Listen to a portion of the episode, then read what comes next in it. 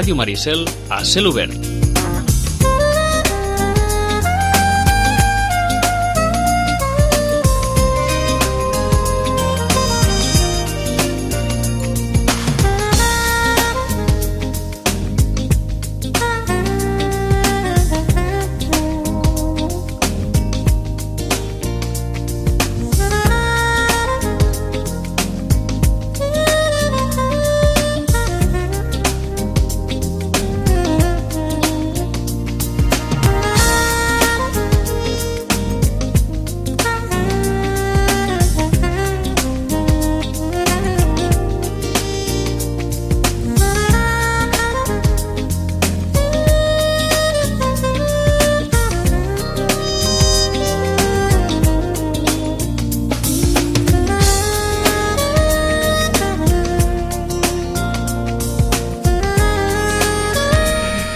L'estan buscant, eh? Va al pis de dalt.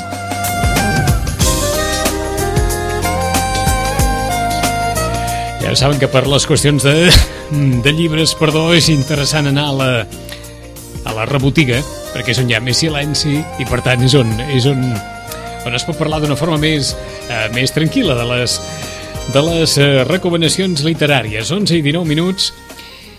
Aquests darrers dies han estat els dies també de Harry Potter i el nen maleït. És la darrera novel·la d'una saga de la qual la seva autora ha dit que ja n'hi ha prou, que hi haurà més històries a partir d'ara, però que, que no estirarà més el fil de, eh, de Harry Potter. Ha fet 51 anys, J.K. Rowling, i el seu fill li ha regalat una tassa. Una tassa que literalment dibuixa un mussol amb un missatge amb un missatge dedicat a la seva mare. El missatge és simple. Aquesta hora ja ho podem dir. El missatge és Ves a prendre pel cul. Aquest és el missatge que hi ha escrit a, a la tassa. Hi ha una imatge d'un mussol i als peus d'aquesta imatge una referència a la síndrome del mussol, que té alguna cosa a veure, diuen els experts, amb dormir malament. En fi, em portar una vida tan agitada que no tenir temps ni per, ni per, vaja, ni per dormir com caldria dormir. I hem de suposar que aquesta tassa del fill és un crit d'alerta a la mare davant de davant del ressò mediàtic que una vegada més ha tingut la darrera entrega de Harry Potter, que no sabem quan arribarà aquí o no. Rosana, bon dia i bona hora. Hola, molt bon dia. Arribarà aquí Harry Potter quan? Uh, el 28 de setembre, sembla ser. Caram, ens haurem d'esperar força encara, eh? Bueno, un meset, tampoc, no, no, una mica més, és veritat, un meset i una mica més. Un meset sí, i una mica sí, més, sí. eh? Un meset i una mica més, sí. sí perquè, sí, perquè els anglesos sí que han pogut viure una vegada més una imatge d'aquelles tan, tan, tan sí. mediàtica, tan esperada, tan... En fi, tan sí. reconciliadora amb el món del llibre, si es pot dir d'alguna sí, manera. Sí, sí, mediàtica total, mediàtica total, sí, és veritat. I bé, esperem que aquí tingui el mateix èxit, cosa que, bueno, no sé, no ho sabem, és com que és una obra que ja ho posa allà, que no és vull dir, basada en una obra de la J.K. Rowling, eh? obra de teatre basada en una obra de la J.K. Rowling, clar, vull dir que l'èxit és, saps allò que dius, bueno, o, o, o la, la proporció em sembla que és desmesurada, però uh -huh. vaja, en tot cas, benvingut sigui. Eh? Uh, um, quin número farà, Rosana? El número, de fet, el número 8, crec 8, que eh que sí? És que hem llegit el, hem llegit el 8, però com que ens ha semblat sí, sí, sí. un número molt, molt alt, dic, deixa'm-li sí, sí, sí, deixa sí. preguntar, que ens ho sí, confirmi sí, la Rosana. Sí, el número 8, en, en teoria, sí. Ah. Però, clar, que, que és una cosa especial, eh? Obra de teatre, saps? Vull dir, és una cosa més especial, vull dir, no serà tan no és el mateix que les altres que estan plantejades ja directament com a novel·les, però clar, no ho sabem fins que no ho tinguem a les mans. També uh -huh. és veritat que no sabrem dir-vos si realment el, els uh, Harry Pottians voldran aquesta. Sí que és cert que hi ha, doncs, uh, em sembla allò, una generació darrere l'altra, no?, que als estius es dedica a llegir Harry Potter, que això està molt bé. Vull dir que ara m'ha enganxat una altra generació que també els agrada Harry Potter, sigui pel que sigui, sempre hi ha algú, no?, que inicia, sigui una classe, sigui, saps, allò... Mm -hmm. Bé, algú, o, o, perquè ho han vist amb els seus germans grans, o pel que sigui, sí que es es posen amb Harry Potter, eh? Uh Mhm. -huh. Comencen amb Harry Potter. Sí, um, Quants se n'han venut? Hi ha No, no, No, no, no tenim dades, encara no, no tenim dades. No, no, vull dir que- quan, quan s'ha venut de Harry Potter així en general, que això deu ser incomptable gairebé, eh? Incontable, sí, incontable. Eh, a tot el món, milions. milions i milions, sí. És incontable, perquè a més a més pensa que, clar, mm, penses, bueno, hi ha alguna llengua en què no hi sigui? Això és el que ens hauríem de preguntar, no? Perquè és que realment és un, un fenomen, fenomen que no sé si s'ha repetit amb cap altra obra, eh? Mm -hmm. Perquè Això és, que hem, sí. és que hem anat a, a buscar es parla de la vora de 450 milions de còpies entre, entre tots els llibres de, de la sèrie de, de Harry Potter i per totes tant és un... Vaja, te sembla que no deu haver escriptor o pocs escriptors No. deuen haver al món que hagin superat o que s'hagin pogut acostar a aquesta xifra, eh? Jo crec que no, eh? Vull dir, Mhm. aquesta xifra és eh, horrorosa, eh? Vull dir, si, No, si ens la mirem que bé... És un, és un disbarat. És un disbarat. És un disbarat, que- és un disbarat. És un disbarat. Ens toca, bueno, vull dir, quasi, quasi ens toca a un per cap, eh? Vull dir que dius... No sé, és un disbarat. I el, que. I el que comentaves tu, hi ha algú que està, des del punt de vista de, de les vendes, continua venent-se Harry Potter? Sí, Sí. sí, sí. Es continua venent, es continua venent en, en format de... Ara, ara sí que és veritat que hi ha, en català sobretot hi ha el format de butxaca, mm, doncs que, que va molt bé perquè doncs, no? se'l poden emportar igual, si se'n van d'excursió, si se'n van allò, no? si te'n vas uns dies i tot això, doncs els nanos se'l poden emportar més fàcilment que no l'edició de tapa dura. L'edició de tapa dura en, en català, els, els dos primers títols fallen ara en aquest moment, o sigui, no hi ha tapa dura en aquest moment, però la veritat és que en castellà tant la, han fet una edició amb tapa tova, que els tenien tots en tapa dura, i sí, la veritat és que es continuen venent. Han canviat el disseny de, de les portades, etc etc i es continuen venent tant, mm. -hmm. tant l'un com l'altre. És un... Passa que, clar, no en la mateixa mida, eh? però sí que és veritat que sempre hi ha algú que, doncs, saps, allò, Harry Potter. No hi ha setmana que no es vengui Harry Potter, i això sí que es nota. Hi ha expectació pel que ha de venir? O com que estem en ple estiu aquí no, no hi ha massa... Jo crec que l'expectació aquí començarà ara que, que, que, en, que n'han parlat, no? ara que se n'ha parlat molt, doncs jo crec que serà de cara al setembre. Uh -huh. perquè ara, de fet, vull dir, fins uh, l'altre dia no va arribar la portada definitiva, saps, de, de l'edició en castellà. Uh, la primer edició català i castellà més o menys s'han de posar d'acord en la data, perquè si no, saps, sempre passa allò, eh, no t'hi costa posar-se d'acord en la data, um, en el preu, i la veritat és que al final, doncs això, abans que s'acabi setembre el tindrem, i jo crec que a començaments de setembre serà realment la batalla, perquè ara, de fet, tots els departaments de premsa, de, tant un editorial com l'altre, tant d'Empúries com de Salamandra, estan de vacances, amb la qual cosa poca cosa poden fer, saps? Vull dir, sí, hi ha un concurs, bueno, hi ha un concurs, unes lectures de Harry Potter de, mentre, saps, per anar, per anar preveient, per anar fent boca, hi ha unes lectures de, de Harry Potter, hi ha unes dates que hi ha unes lectures, però tret d'això, poca cosa més ja. Uh -huh. Suposo que sortirà tot a partir de setembre, que tothom ja, saps allò, ja tothom retorna a la seva vida més o menys normal, Està i llavors clar. és quan tot comença. Està clar, perquè a 3 d'agost poc moviment, no? Sí, sí, sí. De, de cara als editors sí, perquè doncs, molts ja han dit que, que ja no hi són, no? i alguns doncs, que la setmana que ve és la primera setmana que comencen, però vaja, eh, pel que fa als editors, editors, pocs hi són ara a casa, Mhm. a, a, a l'editorial, mm, les comercials sí que funcionen, moltes, algunes petites no funcionen, se'n van tanquen barraca, és a dir, tanquen persiana i s'ha acabat, però sí que és veritat que doncs, hi ha poc moviment, eh? Tothom ja prepara la darrera setmana, és curiós perquè abans feien, els comercials sobretot, eh, feien uh, vacances tot el mes d'agost. Ara han decidit tots que tornen una setmana abans o 10 dies abans de- d'acabar el mes per preparar, perquè hi ha novetats que surten la darrera setmana d'agost i per tant, saps allò de dir, ei, això s'ha de preparar. Mm? Doncs Per tant, tirarem del fons d'armari enorme de la Rosana, sí, perquè, és clar, amb tot el que ha arribat a sortir aquest any, que no és gairebé ni més ni menys que l'any passat o l'anterior, perquè cada any surten llibres per totes bandes i molts es queden a la, a la rebotiga sense gairebé ni poder-ne parlar i hi ha moltes coses per recomanar encara que estiguem al ple de, al ple de l'estiu. Per on comencem, Rosana? bueno, doncs hem de començar per un que, que, que és novetat de fa molt poquet, perquè, esclar, aquest sí que ja sabeu que si hi ha algú que sigui prolífic amb obra és el Francisco Ibáñez.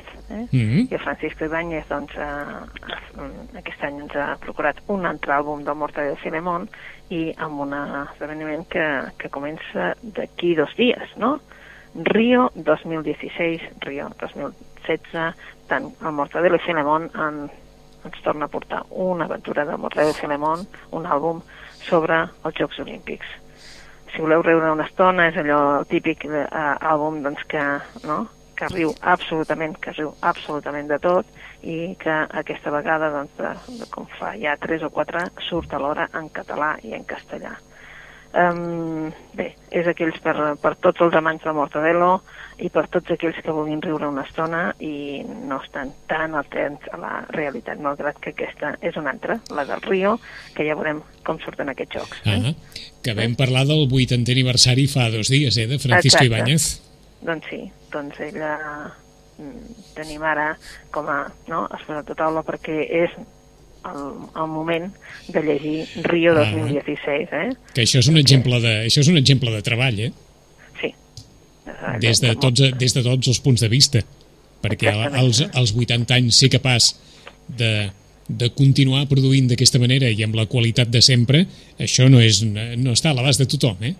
No, i a més a més és allò de, saps, o sigui, què passarà aquest any? Llavors, doncs, a dir, pam, no? O sigui, hi ha els Jocs Olímpics, doncs pues ell Sí, sí, els Jocs Olímpics, hi ha un no sé què, un, doncs ell eh, fa el, eh? fa l'àlbum pertinent, eh? Clar, eh, mm, el darrer també, el Caco s'escapa, vull dir, esclar, és que tots, tots són de, doncs, de situacions que vivim, Mhm. no? i ell s'ho pren amb molt humor i eh, ens diu, bueno, més val que s'ho prenguem així i que no ens enfadem, però Rio 2016 serà doncs, aquest àlbum que esperem que aquests dies també eh, això eh, sigui un dels llibres doncs, que també la gent li agradi llegir. Uh -huh. uh, novetat de, de ja mateix, eh? Sí, sí, novetat és, bueno, ha sortit fa un, potser un mes, un mes i poc, Ahà. però és la que en aquests moments, clar, acapara doncs, també l'atenció de dir, bueno, què fa ara, doncs seria, no? o, o bé, mm, estem pendents tots del, dels Jocs Olímpics que comencen ja i aquesta vegada doncs, ell doncs, eh, ens sembla que la manera és doncs, Mhm. i ell ha fet eh, dos àlbums, un que diu Rio de 2016 i l'altre que és sobre les Olimpiades però que no és ben bé, saps que porta també Sí, sí. i tot això Doncs qui vulgui passar una bona estona de Francisco Ibáñez, Mortadelo i Filemón a les Olimpíades de Rio del 2016, una bona estona per les tardes d'estiu i per abstreure's de, de tots els problemes abuts i per haver. Per on seguim? Que això no era, no- això no era novel·la, eh, estrictament.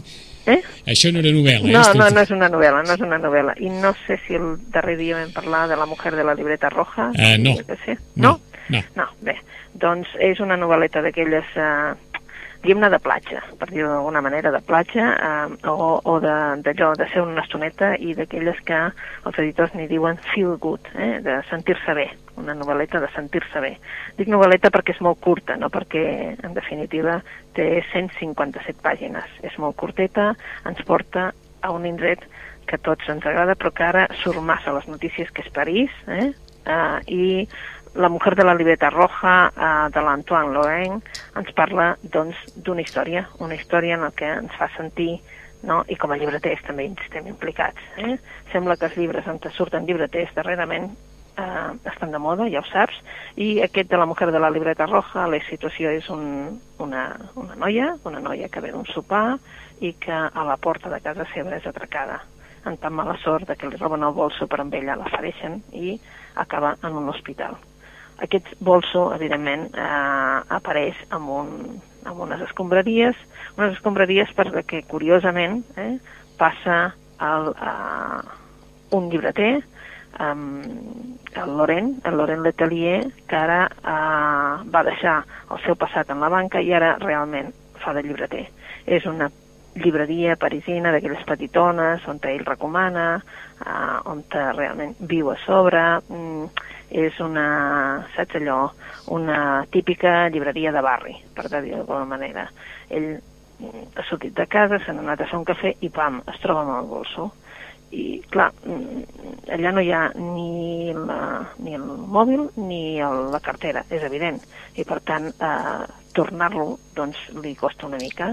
Quan intenta tornar-lo no pot i ell s'entesta en buscar la persona mm, a qui pertany aquest bolso. Per què? Perquè hi ha una llibreteta, una llibreteta vermella en el que la persona que, a qui pertany el bolso doncs, ha escrit una sèrie de coses. Per exemple, doncs, eh, pensaments personals, eh? el que li agrada, el que no li agrada. És clar, vist que ell no podrà tornar això, el que fa és buscar ell personalment indicis de, de qui és aquesta persona.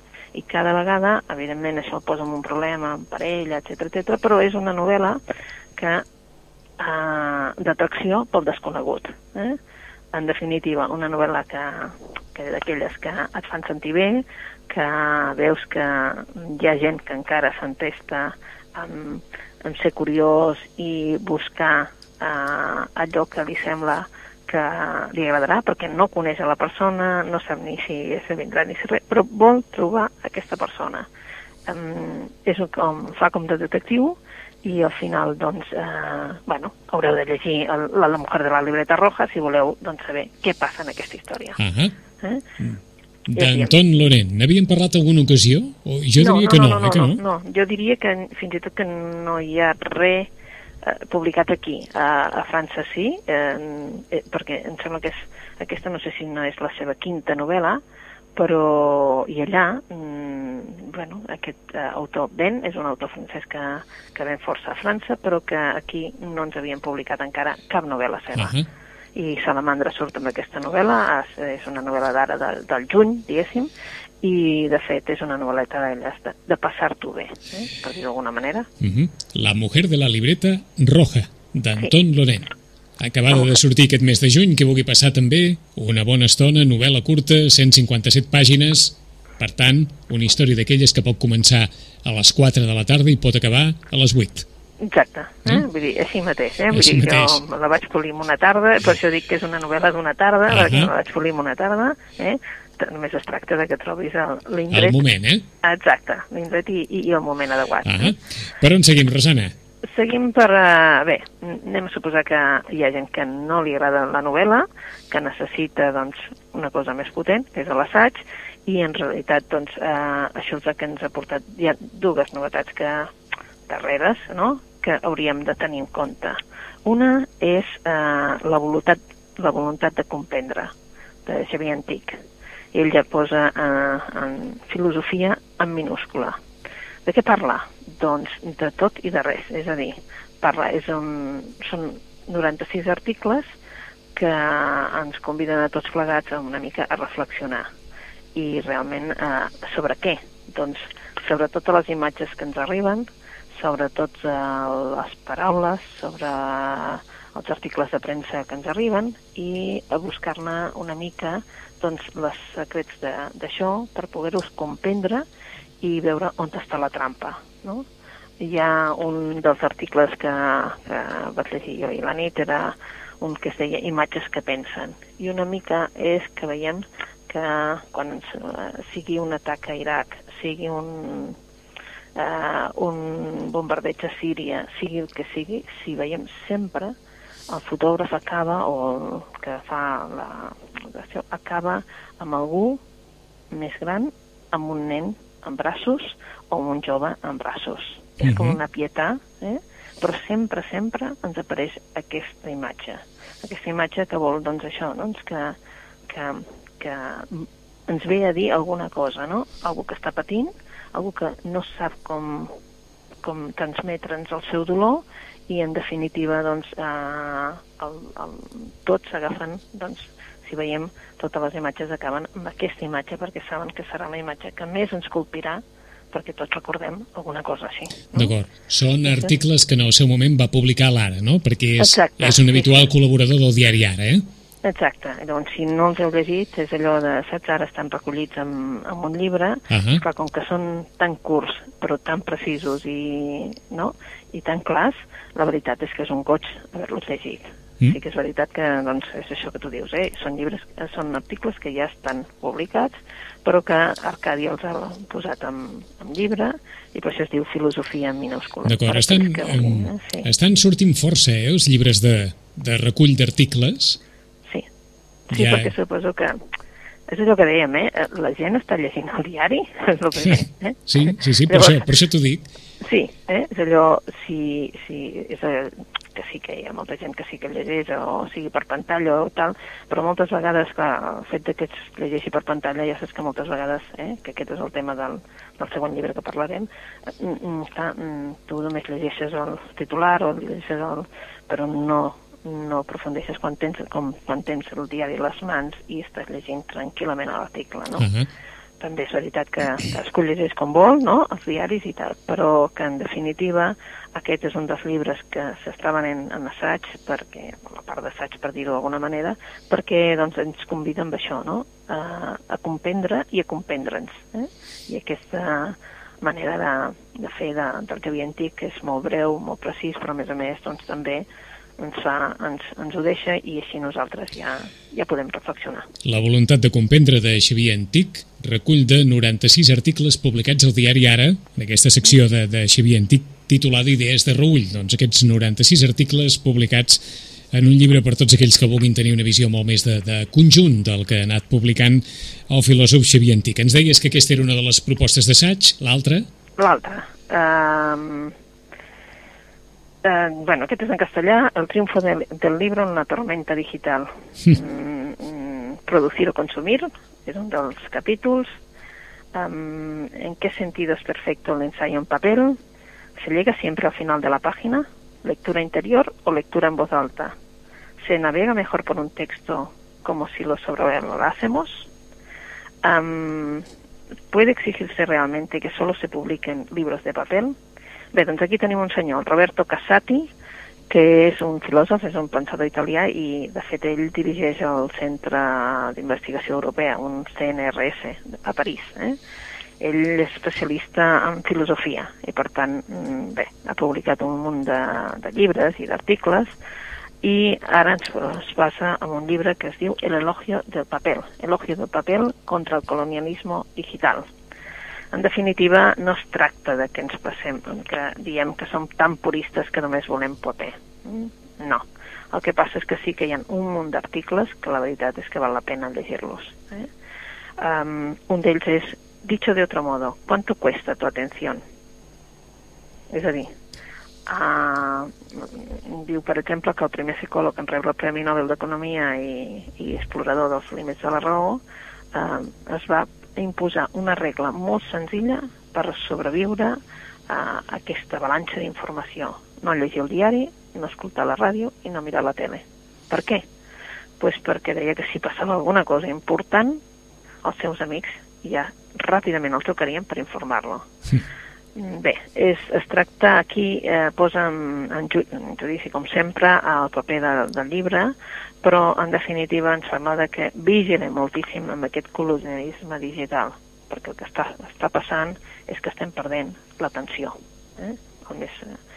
I una de les crítiques que té a, a darrere, eh, que no, no, li, no, li eh? falta, no li falta raó, segurament, eh?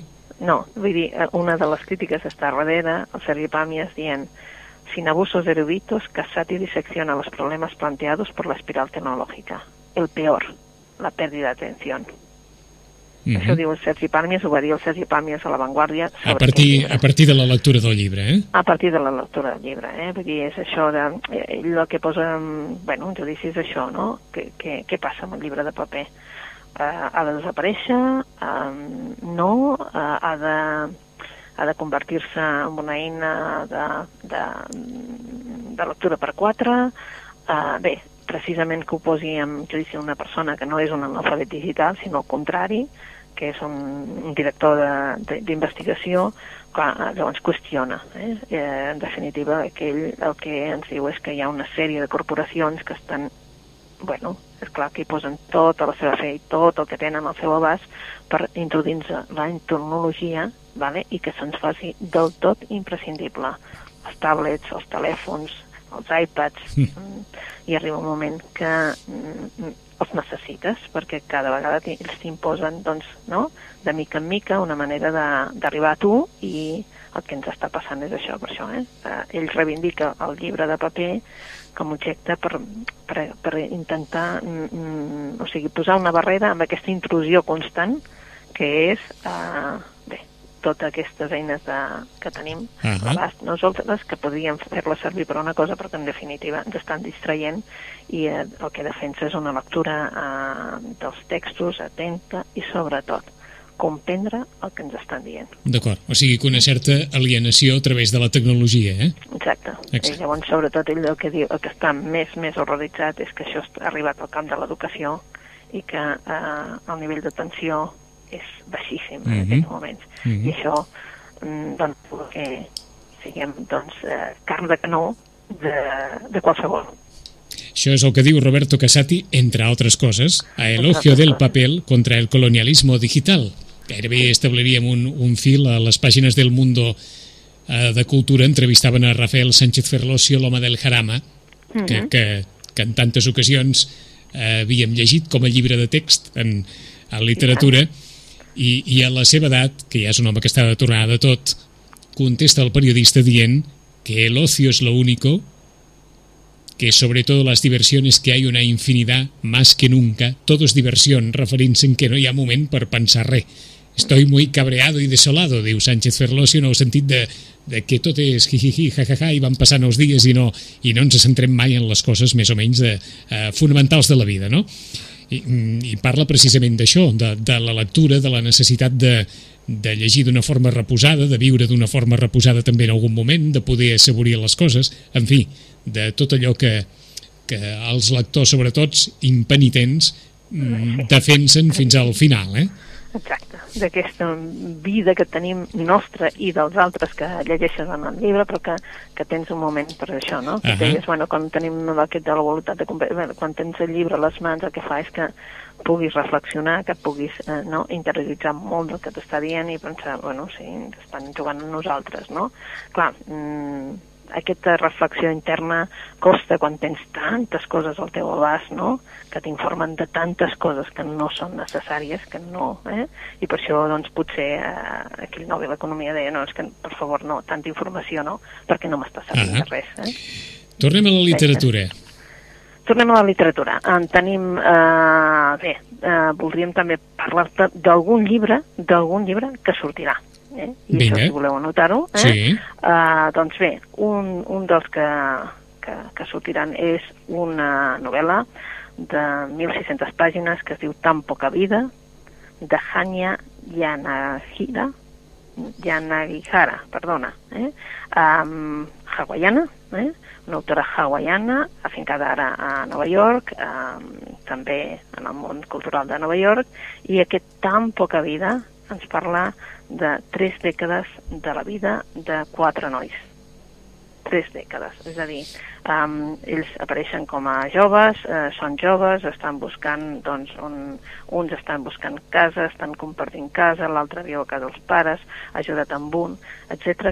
I el que es veiem com van passant no? la seva vida, com ha passat la seva vida i com tot resta entorn del jut, un, el més enigmàtic d'ells, eh, potser també el que és més carismàtic, però que en definitiva doncs, mou una mica els fils. Tothom es mou al seu costat. En aquestes 1.600 pàgines eh, és per disfrutar-les. Eh, jo sí que les estic disfrutant, encara, evidentment, no, no he acabat, uh mhm. -huh. però la veritat és que tan poca vida serà una del, de les llibres que se'n parlarà al, al setembre, perquè surt el dia 15 de setembre. Això és una, una, una novel·lassa, eh? Una novel·lassa, una novel·lassa que l'editora no es volia eh, no volia comprometre's a, a, a editar, però la va començar a llegir i va dir, i això va ser el meu final. Vull dir, eh, la vaig començar a llegir, me la van passar, la vaig començar a llegir i quina, això va ser, quina... em va matar, perquè jo no volia editar res que tingués més de 500 pàgines uh -huh. i aquesta en té un munt. Quina, quina forma més maca de definir-ho, eh? Això Sí. va ser el meu final, o sigui que... Allò va ser el meu final, sí. Vull dir que començar-la a llegir, perquè a més a més em van dir, no, no, no, tu llegeix-la i si no passa, no, no passa res, però vull dir, tu llegeix-la i si em dius que no, doncs jo la dono altre editor. No, no, havíem, no havíem parlat mai d'aquesta autora, tampoc, no? No, no, no, no, clar, clar, no, no el coneixem de res, ens costa dir fins i tot doncs, dir el seu cognom Sí. i no, no s'ha publicat res aquí, o sigui que és completament desconeguda, però la veritat és que a Nord-Amèrica ha sigut un, doncs, un, una bomba, saps? Allò de dir, ostres, uh, sí, és una autora molt, molt, que, que, que es ven molt, molt recomanada, però, bueno, fa molt poc d'això, eh? Es diu Tan poca vida, eh? Tan poca vida. Tan poca vida, eh? En castellà. En el, en, el, en el resum en el resum del llibre una frase d'aquestes lapidària de, de les tantes que deu haver en més de mil pàgines, eh? ¿Qué precio tiene la vida cuando deja de tener valor? Per, doncs, perquè se'n puguin fer una eh? idea de la profunditat de, de, del la, de la novel·la, eh? sí, sí, exacte, no, no. Sortirà, sortirà el 15 de setembre Tan poca vida de Hania i Anagiara. I alguna novetat d'aquestes més que encara estan per venir? Uf, doncs, per exemple, la de, de la Rosa Montero, una autora també coneguda, aquesta sí és coneguda, és coneguda perquè doncs, ha publicat moltes novel·les, algun assaig també, ja ho sabeu, però eh, ara ens apareix amb una nova novel·la que es diu La carne. Bé, és també una novel·la eh, que parla doncs, d'una noia, una dona que es vol venjar del seu eh, examen i en definitiva es venja doncs, eh, buscant un altre no? i tenint doncs, relacions eh, doncs, com a més, pla, més planeteres que, que amb ell i parla doncs, no? de les, en definitiva de la solitud d'aquest fet de necessitat de, de l'altre i la carne mm, se suposa que també serà una de les novel·les que ompliran el, el nostre setembre. Mm -hmm. Ha de sortir també a mitjans de setembre, a A mitjans principis... de setembre també, sí. Uh Mhm. -huh. Vull dir que és en això. Però ja sabeu que qui estrena, qui estrena de debò la, la temporada serà en castellà, en castellà i català, uh, bueno, un autor que ara aquests dies està a Sitges, evidentment, que és uh, Facones, Uh -huh. que sabeu que Los herederos de la tierra serà la gran, diguéssim, novel·la que surt el dia 30 de, d'agost, per tant, la primera que sortirà, i, clar, serà la que ocuparà, evidentment, tots els mitjans de comunicació, i tot els altres editors diuen, no, no, déu nhi si surt aquest dia ja no puc, no. Nosaltres hem de retrasar, perquè si no això ocuparà, evidentment, tots els diaris. Eh? Perquè se n'ha sentit a dir alguna cosa de la novel·la? No, No. no. tret de que tothom l'espera ja perquè és la segona part, la segona, de la Catedral del Mar. Ah -huh. Clar, deu anys després, mm, doncs, els lectors, t'haig de dir que sí que hi ha molta expectació, de moment, perquè nosaltres hem demanat que si la volen que, que, que ens la reservin i això eh, ja us anunciem que sí, hi ha molta expectació, la gent vol la novel·la i suposo que una novel·la que va traspassar també, que també hauríem de mirar quants exemplars ha venut. Evidentment no és de Harry Potter, però sí que és cert que n'ha venut molts, ja ho sabeu. Eh?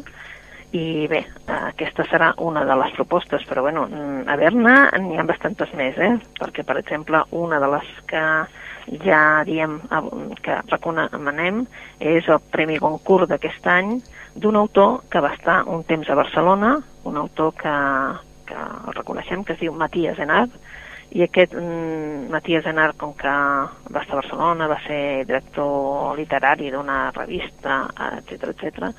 Um, és una declaració una altra vegada d'amor a Orient. Eh? I bueno, en aquest, és una, aquest brújula, brújula, eh, que sortirà també en català, doncs barreja una miqueta doncs això, no? les seves memòries personals, aquest dietari seu també personal, i bé, en definitiva eh, ens posa el personatge de Franz Richter però bé, és un musicòleg que, que ha especialitzat en la música d'Orient Uh -huh. i la seva influència a Occident i llavors bé eh, està a Viena eh, té insomni i mm, preocupat per, aquesta, per una malaltia degenerativa torna a la ciutat que ha marcat la seva vida i per tant fa un, una tornada en el pensament de París, Teheran, Damasc i bé, i allà desfila evidentment tothom que ha conformat la Mhm. seva vida doncs, no? I no podem acabar sense preguntar-te si hi ha alguna novetat en català. Sí, sí, bueno, d'autor sí. català, vol dir? D'autor català, sí, sí, en aquest... Ramon Solsona. Uh -huh. Ramon Solsona publica nova novel·la i serà, sembla ser, que passa que no us podem dir gaire més, perquè, és clar, uh, la veritat és que de vegades ens les passaven i ens feia molta il·lusió poder-la llegir abans, però aquesta vegada no la tenim, i aquesta, em sembla que, que es diu, és, mm, jo diria que es diu, a veure, allò que va passar a Cardós. Allò que va passar a Cardós? A Cardós, sí. El balneari de, el balneari de Cardós? O... Suposo, però mm. la veritat és que no, no hem llegit encara la novel·la, uh -huh. però eh, promet i molt. L'editor, el Josep Lluc, està molt, molt content de que el Ramon Solsona li hagi donat la novel·la i realment doncs, eh, sabem que aquesta serà la gran, diguéssim, la gran rentré diguéssim, d'autor català, uh -huh. Ramon Solsona, allò que va passar a Cardós. Caram, quin setembre, eh? Sí, sí, sí, serà, serà espectacular, de debò que sí, eh? vull dir, perquè totes les editorials s'hi aboquen, eh, ja et dic, eh, novel·les romàntiques, novel·les, no?, de, mm, més aviat així de memòries personal, eh, clar, el Premi Goncourt, dius, bueno, doncs el Premi Goncourt és un premi de França, sí, sí, però és que el Matías Enar, amb les últimes que va publicar, ja té un públic, i llavors, per tant, ja ho és. Eh, la Rosa Montero també té, clar, un altre públic, vull dir, saps allò... Mm, més endavant sortirà aquestes més comercials com l'Stephen King, uh, Robin Cook i aquesta gent, doncs, que també té un, un públic diferent, no? I així que la veritat estem al·lucinats de tanta, tanta, tanta novetat. Mm -hmm. Doncs aquesta novel·la de Ramon Solsona, ens diu l'editorial, arriba sis anys després de l'home de la maleta mm, i la sinopsi rau en la història d'un guàrdia civil assassinat a la vall de Cardós una nit d'hivern del 1965 enmig d'un complex hidroelèctric. Aquest és l'escenari l'escenari de la darrera novel·la de Ramon Solsona, allò que va passar a Cardós, editada per Pro i com ens deia la, la Rosana serà allò, una de les rentrers en, en català bé, les editorials ja ho saben que acostumen a fer servir aquesta frase, eh? però sí, sí. amb una de les grans novel·les dels últims anys. Sí, perquè a més a més, si recordes, l'home de la maleta em va agradar moltíssim, sí. uh, va tindre doncs, uh, molt d'èxit, uh, ha continuat tenint èxit per, amb, amb butxaca i és d'aquelles obres que la gent quan, quan regala, escolta, i, i, i si regalés aquella, perquè aquella em va agradar molt i llavors fa que doncs, eh, Ramon Solsona ja tingui doncs, tot allò que necessita per vendre, uh -huh. no? i si a més a més ens fa la història sobre, no? sobre la Vall de Cardós, amb l'any 65, etc etc, doncs apela a la nostra memòria. També. Doncs hem de fer un repàs molt ràpid per aquells que vulguin. Una novel·la de tarda d'estiu, maca i fàcil de llegir, curteta, per passar una bona estona, La mujer de la libreta roja, novel·leta de platja, 157 pàgines, d'Anton Laurent, la història molt bonica, d'un home que troba una bossa de mà d'una dona i a dins una llibreta, un diari. Els qui els agradi l'assaig, però l'assaig allò eh, potent de Xavier Antic, la voluntat de comprendre articles de molta profunditat però escrits en un llenguatge absolutament accessible, 96 articles que ha publicat Xavier Antic al diari Ara, la voluntat de comprendre. De Roberto Casati, Elogio del papel contra el colonialismo digital, un assaig ja també força més profund de sobre fins a quin punt la tecnologia ens està alienant una miqueta al cap i fent perdre la capacitat d'atenció. De cara al setembre, aquestes novetats que ens ha comentat la, la Rosana, Tan poca vida de Hania Yanaguiara, La carne de Rosa Montero, Herederos de la tierra d'Ildefonso Falcones i de Ramon Solsona, allò que va passar a Cardós. Són algunes de les propostes que ens deixa la Rosana per aprofitar el nostre temps de lectura. Rosana, en 15 dies tornem. Bona lectura. En 15 dies tornem. Eh? Adéu-siau. Adéu.